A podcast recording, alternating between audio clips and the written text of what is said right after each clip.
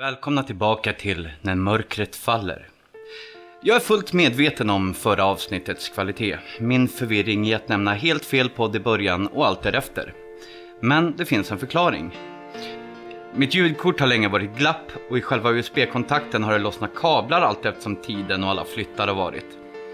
Så till slut orkar det inte hålla ihop det ordentligt längre och om ni kollar Instagram, NMF-podd med ett D, så kan ni se tre av fyra sladdar som har lossnat i själva kabeln. Eh, den sista bilden där är när jag till sist lyckades laga det med eltejp och en väldans massa pillande. Sanningen är dock att eh, det här ljudkortet är början nå gränsen till att ha gjort sitt. Så därför i ren panik var jag tvungen för att hålla tidsschemat att ändå slänga ut en historia som ljudmässigt blev det värsta vi gjort. Och då har vi gjort många med dålig ljudkvalitet och det vet vi.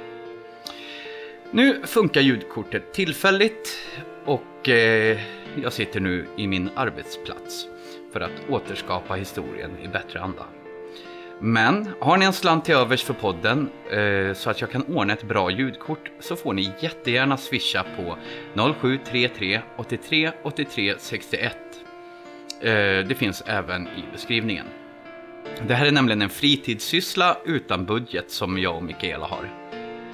Eh, så vi har ju ingen budget alls. Och vi nämner gärna ditt namn i podden som tack. Så du skriver en MF-podd i meddelande och så skriver du ja om du vill ha ditt namn med eller nej om du inte vill ha ditt namn uppläst i avsnitten. Med det så börjar vi att läsa historien ytterligare en gång. Men med bättre ljudkvalitet förhoppningsvis. Så här kommer Främlingen, skriven av Mikaela Schmidt och uppläst av mig, Tommy Nordin, här på När mörkret faller.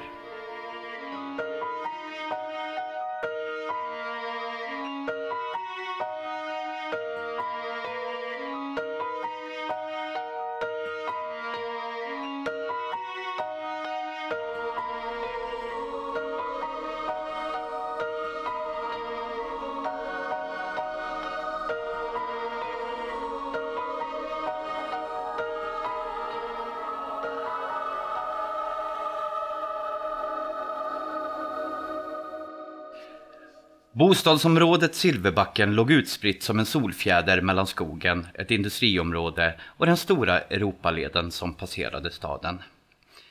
Ett antal grå, trista flerfamiljshus som såg rätt trötta och uppgivna ut där det låg. Som om det hade sett allt och ändå tvingats överleva. Silverbacken var den sortens område som fick människor som inte bodde där att föraktfullt höja på ögonbrynen åt dem som faktiskt råkade göra det. För i övriga delar av stan visste man sedan länge att i Silverbacken, där bodde bara invandrare och sossfall och andra som inte hade något val. White trash helt enkelt. Bodde man där måste man vara en andra klassens medborgare, annars hade man bott någon annanstans. Eftersom det var den allmänna uppfattningen så fick människorna i Silverbacken sällan jobb och arbetslösheten var högre där än i staden i övrigt. De som hade jobb var lågavlönade och hade svårt att få det att gå ihop. Folk var fattiga helt enkelt. Barnen från Silverbacken blev oftast behandlade likadant i skolan som deras föräldrar i arbetslivet. Det var ingen idé att lägga energi på de barnen. De var ändå dömda att bli misslyckade och bo kvar i misären de kommit ifrån. Människor som bodde där var lite mindre värda helt enkelt och det fick skylla sig själva att det var kvar där helt enkelt. Alla vettiga människor hade ju gjort något åt saken. Flyttat. Skaffat jobb. Som om det var så lätt när man väl hamnat där. Det är ingen idé att förneka det. Alla vet att den här typen av områden finns i varenda stad med fler än 4000 invånare.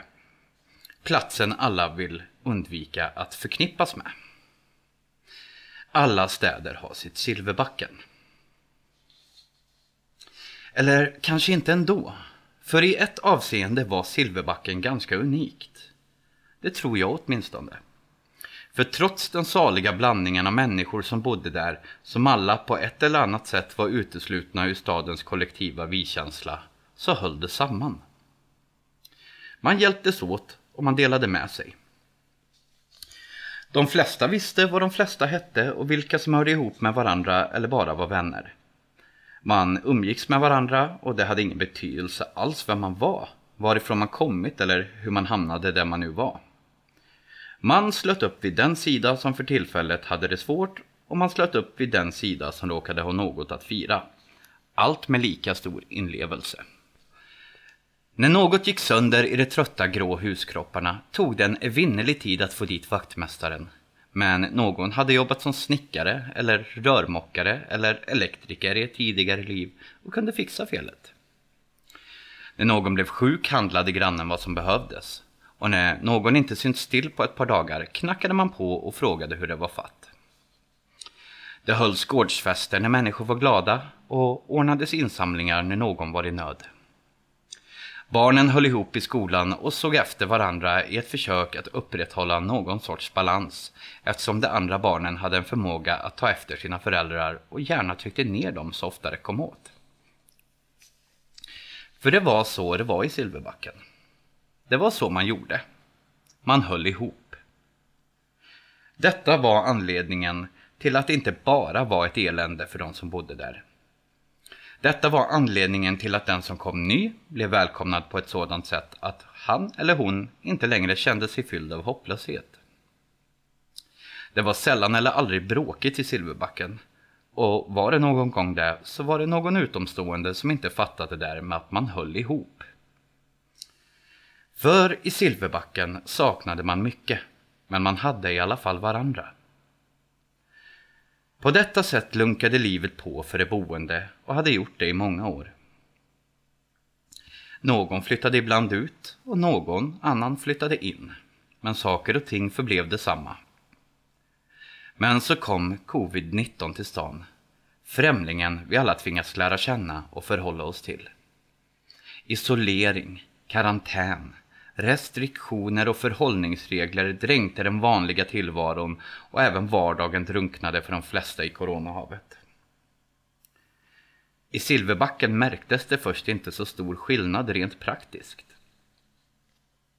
De som bodde där höll sig ändå för det mesta i området. Ingen hade råd med några semestrar eller dyra shoppingrundor. Få hade några kontakter utöver andra som bodde runt omkring och släktingar längre bort brukade man ändå inte hälsa på eftersom det var för dyrt. Barnens skolor fortsatte som förut och de som jobbade hade inte sådana jobb att de kunde jobba hemifrån. Så för dem förändrades inte mycket och de klarade sig undan smittan. Men inne i staden spreds viruset som en löpeld och långsamt Långsamt började Silverbacken att förändras. Man började ogilla besökare utifrån, rädd som man var för att få in smitta. Man började snegla osäkert på dem som kom hem från jobbet. De kunde ju ha med sig smitta. Och undvek dem, så att de till slut hellre stannade hemma. Familjerna började en efter en hålla sina barn hemma från skolan av samma orsak och ingen handlade längre någon annanstans än i den lilla kvartersbutiken. Man höll sig undan när postbilen och sopbilen gjorde sina rundor och man gjorde det så effektivt att omgivningen tisslade och tasslade om att Silverbacken blivit en spökstad eftersom ingen någonsin såg minsta tecken på liv där. Silverbacken stängde ut omvärlden isolerade sig helt från sin omgivning och kom till slut att bli en frisk ö i coronahavet som vägrade att låta sig spolas med av den enorma våg av sjukdom, död och tragedier som drabbade resten av världen. Det var ingenting man tänkte på i Silverbacken. Där rullade livet på ungefär som det brukade, för som sagt, för dem var skillnaden inte så stor som den skulle ha varit för sådana som bodde i andra typer av områden. Här hade man ändå alltid känt sig ganska isolerad och nu hade man snarare fått vatten på sin kvarn. Med egna ögon sett att man var trygg i Silverbacken på ett sätt som man inte var i resten av stan. Eller Sverige. Eller ens världen för den delen. Allt eftersom tiden gick blev man mer och mer misstänksam. Mot utomstående. Mot rapporteringen om pandemin. Ja, Mot det mesta egentligen, om man började ifrågasätta. Det var inte så svårt att hantera pandemin egentligen. I Silverbacken var ju alla friska. Hur kunde de boende i Silverbacken bli så orättvist dömda i allt? De klarade ju det ingen annan tycktes klara. Att hålla sig friska. Så där höll det på och ju längre tiden gick, ju mer ökade motståndet mot omvärlden. Men barnen. Barnen i Silverbacken var ganska många. De flesta hade många syskon och nästan ingen var ensambarn. Det fanns alltid jämnåriga att leka med på grund av det och åldersspannet var brett. De större barnen tog ofta hand om de mindre. Ofta lekte man i stora grupper och såg man barn leka ensamma eller i par berodde det på att de hade valt det själva. Visst hände det att det blev osams, det går nästan inte att undvika. Och visst hände det att de retades med varandra så att någon blev ledsen och började gråta. Men det reddes ut och gick över. Någon mobbning var det inte tal om. Det hängde ihop hemma och det hängde ihop i skolan. Silverbackebarnen. Men nu var det inte längre någon skola. Det hade inte varit det på länge och även om barnen märkte av att de vuxna blev mer och mer upprörda så förstod de inte riktigt varför. Alla höll sig ju friska nu. Varför var inte de vuxna nöjda?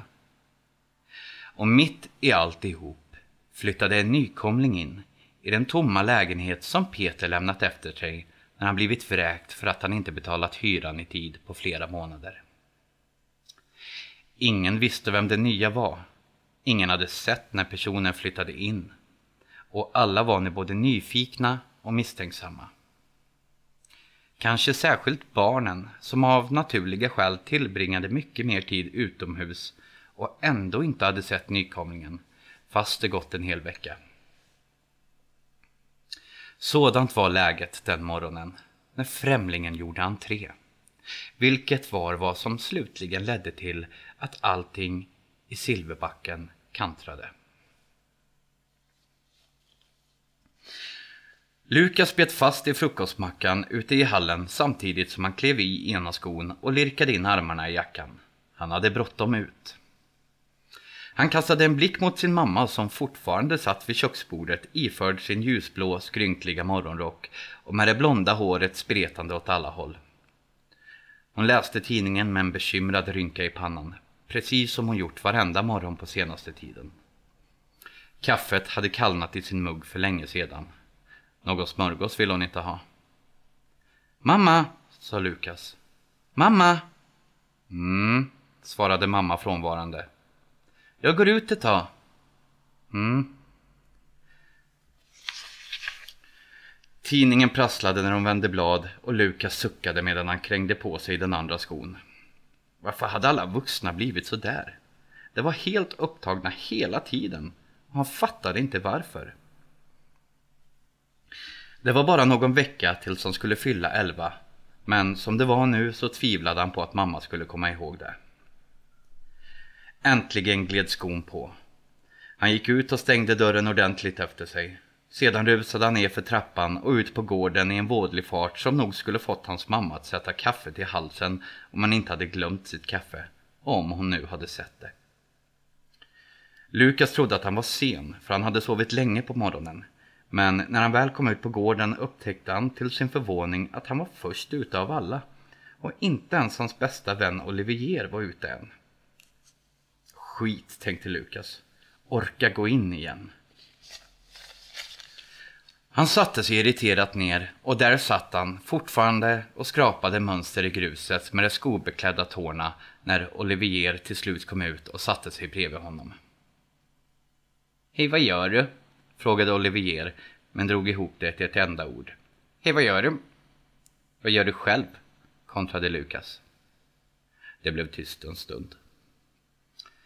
Ja, tråkigt. Ska vi spela fotboll? sa Lukas till sist. Ja, sa Olivier och sken upp. Jag hämtar bollen. Fotboll var roligt och det höll de sysselsatta en lång stund. Fler barn kom ut. Några anslöt sig, andra inte. Men efter någon timme var de åtminstone tillräckligt många för att dela upp sig i två lag. En stund senare inträffade katastrofen. Det var i alla fall en katastrof just när det hände och i barnens ögon. Olivier fick ett perfekt läge för att skjuta mål och tog i för kung och fosterland men fick en snedträff. Bollen flög iväg i en i och för sig ganska snygg båge, men i en helt annan riktning än den tilltänkta. Och efter en ljudlig studs på räcket landade den med en duns på främlingens balkong. Nej! Yeah! tjöt Lukas besviket och Olivier drog ljudligt efter andan och satte förskräckt handen för munnen. Vad skulle de göra nu? Det behövde åtminstone inte fundera särskilt länge på den saken. För i nästa sekund öppnades balkongdörren och främlingen kom ut. Han var helt klädd i svart. Han var lång, hade väldigt långa armar och ben. Som en spindel tänkte Olivier, precis som en spindel. Och han såg inte ut att vara road av fotboll. Han stod bara där och stirrade på barnen utan att säga någonting. Men det förstod ändå. Hans ögon var så ljusa att de nästan verkade genomskinliga och det fixerade barnen utan att blinka en enda gång. Han tycktes sakna både färg och ansiktsuttryck och det grå håret verkade nästan vara den enda färgklick som fanns. Barnen blev stående som förstenade. De ville ha tillbaka sin boll men vågade inte riktigt fråga för främlingen såg så läskig ut. Riktigt otäck faktiskt. Inte snäll i alla fall, eller sådan som man kan be om saker. Lukas märkte att främlingen höll deras boll under ena armen. När hade han plockat upp den? Lukas hade inte sett honom böja sig ner och plocka upp den. Han kastade en snabb blick på Olivier och förstod att han också lagt märke till det. Ingen sa något. Främlingen iakttog dem med sina fiskaktiga ögon och när barnen började skruva på sig av obehag under hans nästan hypnotiska blick vände han helt plötsligt tvärtom och försvann in i lägenheten med deras boll under armen. Det tog någon minut innan barnen förstod att de inte skulle få tillbaka den. Främlingen skulle inte kasta ut bollen till dem. Väntade han sig att de skulle gå dit och hämta den? Ingen var beredd att göra det. Alltså hade de ingen boll längre. Rädslan för främlingen byttes långsamt ut till ett buttert missnöje. Det hade faktiskt inte ens varit meningen att bollen skulle hamna på hans balkong. Straffet var hårdare än förseelsen och framförallt orättvist, tyckte barnen. Men det fanns inget de kunde göra åt saken. Bollen var borta och nu fick de hitta på något annat att göra. Sent den kvällen, när Lukas redan sov sedan länge, vaknade han av mammas röst. Hon lät upprörd, nästan arg. Han låg där under sitt varma mjuka täcke och försökte höra vad hon sa. Men han uppfattade bara sitt eget namn och Nej, det var det inte. Och Nej, jag säger ju att hon pratade i telefonen. Det förstod han, för det var bara hennes röst han hörde. Men eftersom hon till slut lät riktigt arg smög han sig upp för att försöka höra vad det var som hände egentligen. Men han hann inte. Han kom ut i vardagsrummet där mamma satt i soffan med tvn på ljudlöst, lagom för att se henne trycka bort samtalet och irriterat slänga ifrån sig telefonen på soffbordet. Vem var det där? Frågade Lukas. Oliviers pappa, fräste mamma. Han vill veta om du var hemma eller om det var du som hade kastat in Oliviers boll genom deras vardagsrumsfönster. Rutan gick sönder. Men du är ju hemma, eller hur? Det var ju inte du. Vilken då boll? ville Lukas veta. Främlingen tog ju hans boll ju när vi råkade kasta in den på hans balkong. Sedan blev Lukas tvungen att förklara hela händelsen för mamma. Han fick bannor för att de sparkat boll på en plats där sånt kunde hända. Men sedan sa hon att den där främlingen borde ha lämnat tillbaka bollen och inte varit så hård. Det var ju bara barn, menade hon. Men kanske var det just det främlingen gjort. Vem hade annars kastat in bollen genom rutan? Det var i alla fall vad Lukas och Olivier trodde när de pratade om saken dagen därpå. Det måste vara han, sa Lukas ilsket. Det var ju han som hade bollen. Jag tycker att han gick för långt.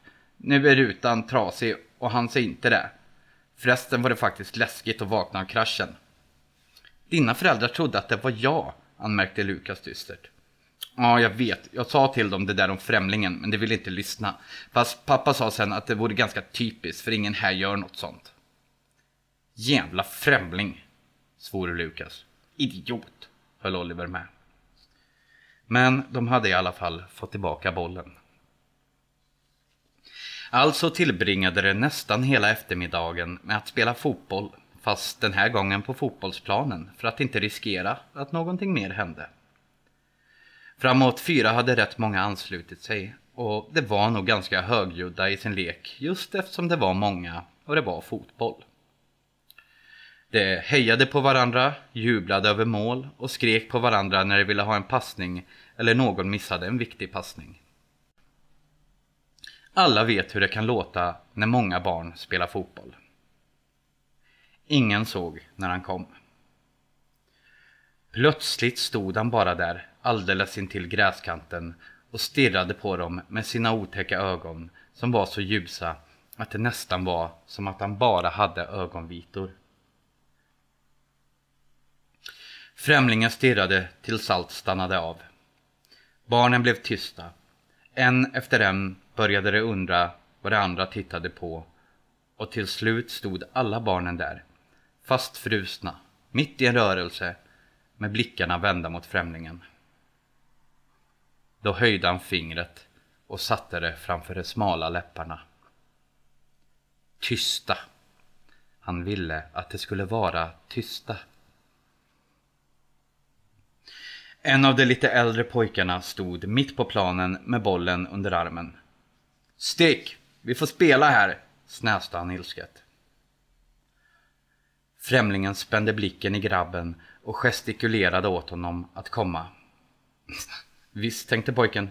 Han ser arg ut men vi får faktiskt spela här. Så han började gå över planen. Han hann inte långt förrän han plötsligt låg raklång på mage i gräset med verkande fotled. Det gjorde fruktansvärt ont och de andra skyndade fram till honom medan han kravlade sig upp på fötter för att åtminstone behålla lite av sin värdighet. Han knuffade mig, sa pojken ilsket medan han borstade av sig. Vem?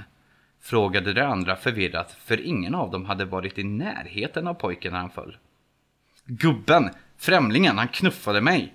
envisades pojken och gned ilsket bort en tår från kinden.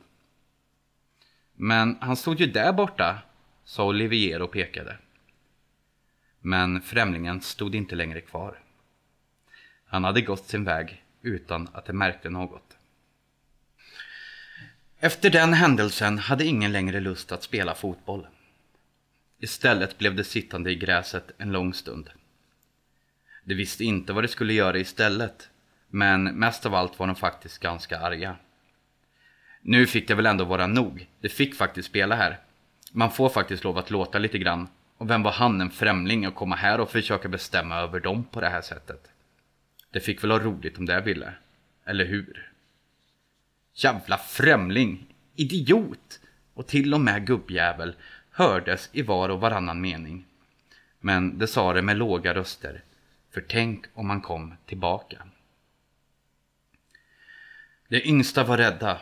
De flesta måste passera främlingen när de gick hem. Och tänk om han kom ut. Tänk om han gjorde dem illa. De yngsta var alla någons småsyskon vilket gjorde att ilskan hos de övriga växte ytterligare. Skulle de yngsta behöva vara rädda nu helt plötsligt? Jävla främling! Klockan närmade sig fem. Det var dags för de flesta att gå hem och äta middag och de höll ihop som de var vana vid. I samlad trupp tågade de iväg från fotbollsplanen och begav sig hemåt. Genast de svängde runt hörnet på huset och in på gården fick de syn på främlingen som stod vid brevlådan och hämtade sin post. Och sedan gick allt fruktansvärt fel. Fruktansvärt fort. Efteråt kunde ingen av dem säga hur eller vem som började det hela. Men plötsligt ven en sten genom luften och träffade främlingen i ryggen. Främlingen vände sig långsamt om. Då kom en sten till flygande, sedan en till och ytterligare en och snart stod främlingen i ett regn av stenar som barnen slängde mot honom. Främlingen stod helt stilla i stenregnet och fixerade dem med blicken. Han rörde sig inte och sa ingenting. Han bara stod där. Stenarna var inte särskilt stora, men det måste ha gjort rejält ont att träffas av dem. Och en rev upp hans kind så att en mörk blodig spricka öppnade sig. Ändå stod han bara där. När stenregnet avtog vände han helt sonika på klacken och gick in, fortfarande utan att säga någonting och med blodet droppande från såret i kinden. Barnen skildes åt under tystnad och var och en gick hem till sig. Några av dem skämdes nog en liten aning, men de flesta var bedrövligt nöjda över vad de gjort. Han var ju bara en främling. Vad hade han ens här i Silverbacken att göra? Det kändes bra att ha fått avreagera sig. Det var främlingen som börjat och han fick skylla sig själv. Om han inte gillade att få svar på tal fick han väl flytta. Det var så det tänkte. Och det var då allting spårade ur. Så till den milda grad att hela Silverbacken tippade över ända. För det var då barnens samlade kraft blev till något helt annat än bara barns ilska mot en vuxen. När främlingen bara stod där i stenregnet var det som att barnen förvandlats till en flock rovdjur som anade sig till en svaghet och det gick till anfall mot främlingen. De trakasserier han under de följande dagarna fick utstå var allt annat än barnsliga upptåg. Det var mer än så. Elakare. Ondskefullare. Och det verkade som att syftet var att bryta ner främlingen. Krossa honom som en fluga till en blöt fläck. Efter stenregnet kom den döda skatan med uppsprättad mage i brevlådan. Sedan gjorde man sina behov i främlingens tvätt i tvättstugan, kastade ägg på hans balkong och en gång en öppnad burk surströmming. En gång såg de främlingen på parkeringen och genast uppstod ett fruktansvärt larm av barnröster som skrek otrevligheter. Fuck you gubbjävel! Samma kväll repade de sönder lacken på främlingens bil. Och så där höll det på. Det var som att alla spärrar plötsligt släppt hos de här barnen och allt var tillåtet. Främlingen teg sig igenom allt detta. Han visade inte med en min vad han tyckte och bevärdigade inte ens barnen en blick. Men det skulle visa sig att han klagat till hyresbolaget som ägde Silverbacken. För en dag kom det brev därifrån där man bestämt sa ifrån att sådant här tänkte man minsann inte tolerera. Föräldrarna frågade sina respektive barn om saken. Barnen låtsades som att de inget visste. Föräldrarna köpte det och beslöt sig för att det måste vara snorungar utifrån som orsakade alltihop. Det var alltid utomstående som ställde till det menade man. För här i Silverbacken håller vi inte på med sådant. Och sedan fick saken bero. Efter det var barnen ännu argare på främlingen och trakasserierna fortsatte. Eftersom de kommit undan och eftersom det nu också tyckte sig ana en svaghet hos några av föräldrarna utökade de sin verksamhet så att den snart även drabbade andra. Efter ett antal sådana incidenter började föräldrarna äntligen reagera. De trodde fortfarande att det måste vara människor utifrån, men nu fick det nog. Plötsligt började det pratas om att det faktiskt var synd om främlingen också, för han fick utstå det värsta. Någon ringde till och med polisen, men fick till svar att det där fick man ta med bostadsbolaget. Någon annan försökte med bostadsbolaget som hänvisade till polisen och där tog det stopp. Några pratade om att själva börja patrullera i området. Men ingen nappade riktigt på idén, så den rann ut i sanden ganska fort. Så en dag var det plötsligt lugnt i Silverbacken. Olycksbådande lugnt, tyckte några och rös av obehag. De anade nog att det var lugnet före stormen och de visste inte då hur rätt de skulle få. Barnen stod här och var i små grupper och viskade med huvudena ihop. Annars var det tyst i Silverbacken den dagen. Och det enda som hördes var fågelkvitter och en och annan tjock och tung humla som surrade förbi. Himlen hängde tung och visade med all önskvärd tydlighet att ett oväder var i annalkande. Luften stod stilla och värmen tvingade sig på, tryckande och kvalmig. När himlen till slut öppnade sig och vräkte hårt regn över alltihop dröjde det inte länge förrän den första blixten for över himlen och sekunden senare var hela området tömt på folk. Ingen ville vara ute längre. Om det var överenskommet eller bara en slump är svårt att säga, men barnen gick var och en hem till sig utan knot. Plötsligt verkade ingen vilja vara någon annanstans än hemma och umgås med familjen.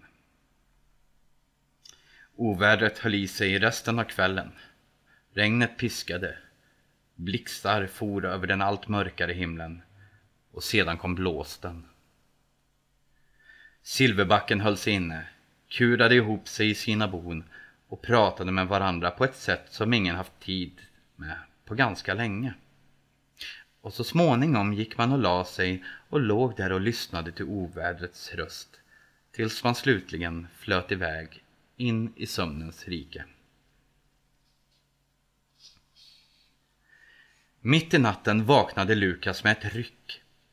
Han hade hört något. Men det måste väl ha varit en dröm. Han lyssnade spänt en stund utan att höra något annat än ovädret och skulle precis vända ansiktet mot väggen och somna om när han plötsligt hörde det igen. En röst, en babblande röst hördes från gården. Svagt, och han kunde inte höra orden, men det fanns inget tvivel om vad det var han hörde. Rösten där ute pratade och pratade. Tonfallet steg och sjönk som vågorna vid ett upprört hav och pendlade mellan raseri och monotont malande. Lukas blev rädd. Mamma! ropade han, men fick inget svar. Mamma! försökte han igen, lite högre den här gången. Fortfarande inget svar. Rösten fortsatte sitt babblande därute när Lukas kom på fötter och på darrande ben smög in till mamma. Sängen var prydligt bäddad och mamma var inte där. Lukas tassade runt i huset och letade efter mamma men kunde inte hitta henne någonstans. Hon var helt enkelt inte hemma. Det hade aldrig hänt förut och det var konstigt. Det var så konstigt att Lukas nästan glömde bort att vara rädd och övergick till att känna oro över var mamma kunde vara för det här var inte en situation han var van vid. Han visste inte riktigt hur man hanterar en sådan sak. Han måste gå ut och leta förstås.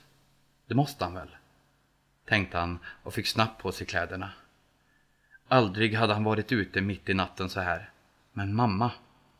Mamma, kved han för sig själv medan han krängde på sig regnjackan. Mamma, var är du? På väg ner till porten anslöt fler barn som vaknat och inte hittat sin mamma, pappa eller båda och. När de kom ut på gården krockade Lukas nästan med Olivier. Dina också? frågade Lukas lågt. Ja. Olivier nickade och såg lika rädd och förvirrad ut som Lukas kände sig. Hörde du rösten?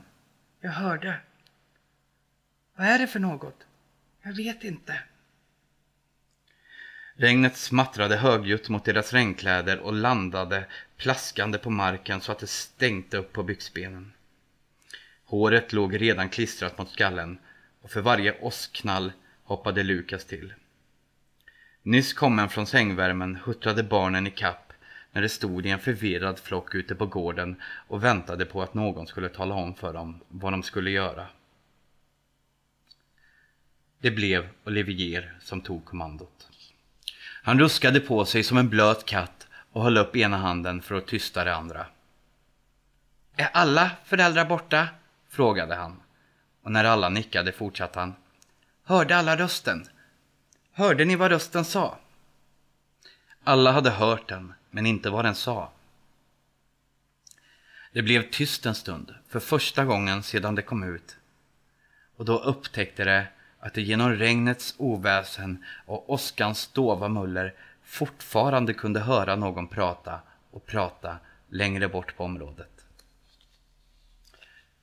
Kom så går vi dit, avgjorde Olivier och gestikulerade till de andra att de skulle följa med honom. Genomblötna, frusna och inte så lite skrämda smög de fram genom mörkret i jakten på sina föräldrar och källan till rösten. Ändå blev de stående och bara stirrade med gapande munnar och ögonen uppspärrade i fasa när de fann båda två på samma gång. Ljudet av rösten hade lett dem till fotbollsplanen. Deras fotbollsplan. Men nu såg det helt annorlunda ut. Främlingen stod uppflugen som en kråka på en stor sten vid ena långsidan och därmed huvudet högre än alla föräldrar som stod framför honom. Genomblöta, några med brinnande facklor i händerna och med ansiktet vända uppåt mot främlingen som stod på sin sten och talade och talade medan de lyssnade och lyssnade som om de vore hypnotiserade. Ingen verkade tänka på det faktum att facklorna brann trots att regnet strömmade ner. Eller att främlingen var torr där han stod och lät tungotal välla fram mellan de smala läpparna. Barnen hade aldrig hört talas om tungotal och trodde nog att det var ett främmande språk. Ändå hukade det sig ner när främlingen spände sina obehagliga ögon i det församlade och lät en lång harang tungotal rinna som regnvatten ut ur sin mun. Det lät inte som det han sa var något bra. Det lät mer som ondskan själv i barnens öron.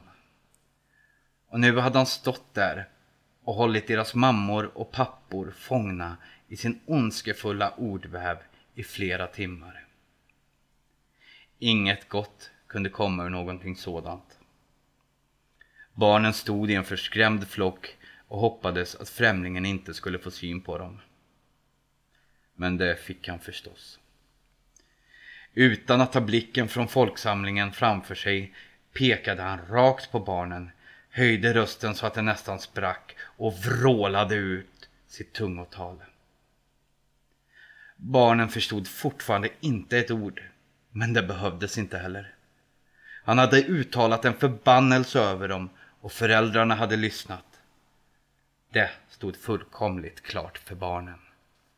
De tryckte sig tätt intill varandra samtidigt som de såg sig omkring i det regnvåta mörkret. Fanns det någon flyktväg? Nej. En efter en vände sig nu föräldrarna om och såg mot barnen. Deras blickar var tomma och deras ansikten helt uttryckslösa. Främlingen mullrade tungomål så att det överröstade åskan och med tröga knyckiga rörelser sattes människorna i rörelse som om det var en enda kropp det handlade om och den satte kurs rakt mot barnen. Lukas skrek. Olivier skrek. De skrek allihopa och sedan började de springa. Inte för att de visste vart. De hade ingenstans att ta vägen. Ingenstans att gömma sig. Men de sprang. Det skrek och det sprang och de kunde höra trampande fötter bakom sig i mörkret och främlingens mässande tungotal. Plötsligt kände Lukas hur någon la handen på hans axel och ruskade lätt och han knep ihop ögonen hårt eftersom han sprang bland de sista. Lukas! Lukas! Han öppnade försiktigt ögonen, lite i taget. Sedan satte han sig tvärt upp i sängen. Det var bara en dröm, Lukas, sa mamma lugnt. Men oj vad du skrek. Det måste ha varit en riktig mardröm. Lukas såg sig förvirrat omkring och långsamt sjönk det in att det bara varit en dröm. En riktigt otäcken, men en dröm. Mamma, snyftade han och började gråta. Mamma, vi har varit elaka mot främlingen allihop. Jätteelaka. Mamma klappade om sin son, tröstade och förmanade och tvingade honom att lova att söka upp främlingen och be om ursäkt för sitt beteende. Hon sa att det kanske var lite de vuxnas fel också, att det blivit som det blivit, men att vissa saker inte är okej, okay, oavsett om det är en främling eller inte. Lukas lovade det. Han förstod vad mamma sa, men han var förskräckligt rädd ändå när han knackade på främlingens dörr nästa förmiddag. Solen var tillbaka och han hoppades av hela sitt hjärta att främlingen valt att gå ut en stund i det fina vädret, just precis när han äntligen fattat tillräckligt med mod för att faktiskt knacka. Men såklart inte.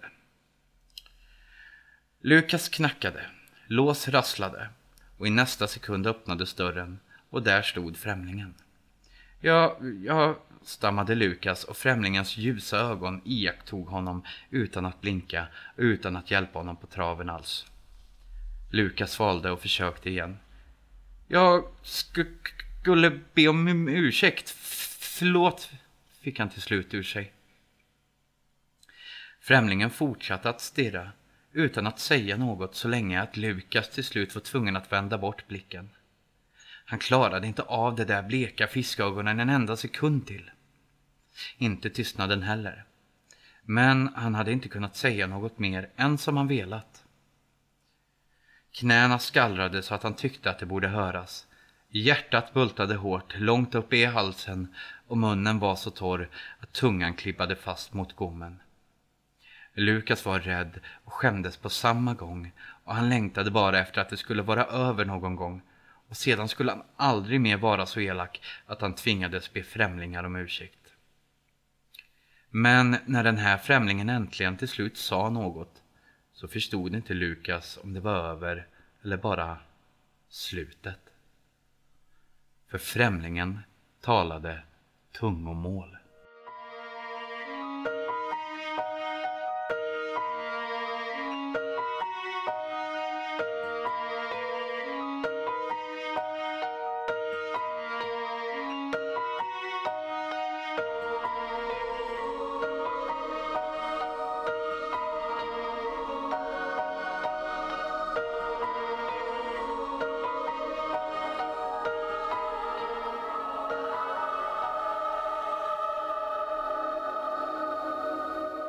Tack så jättemycket att ni har gett den här historien en chans till.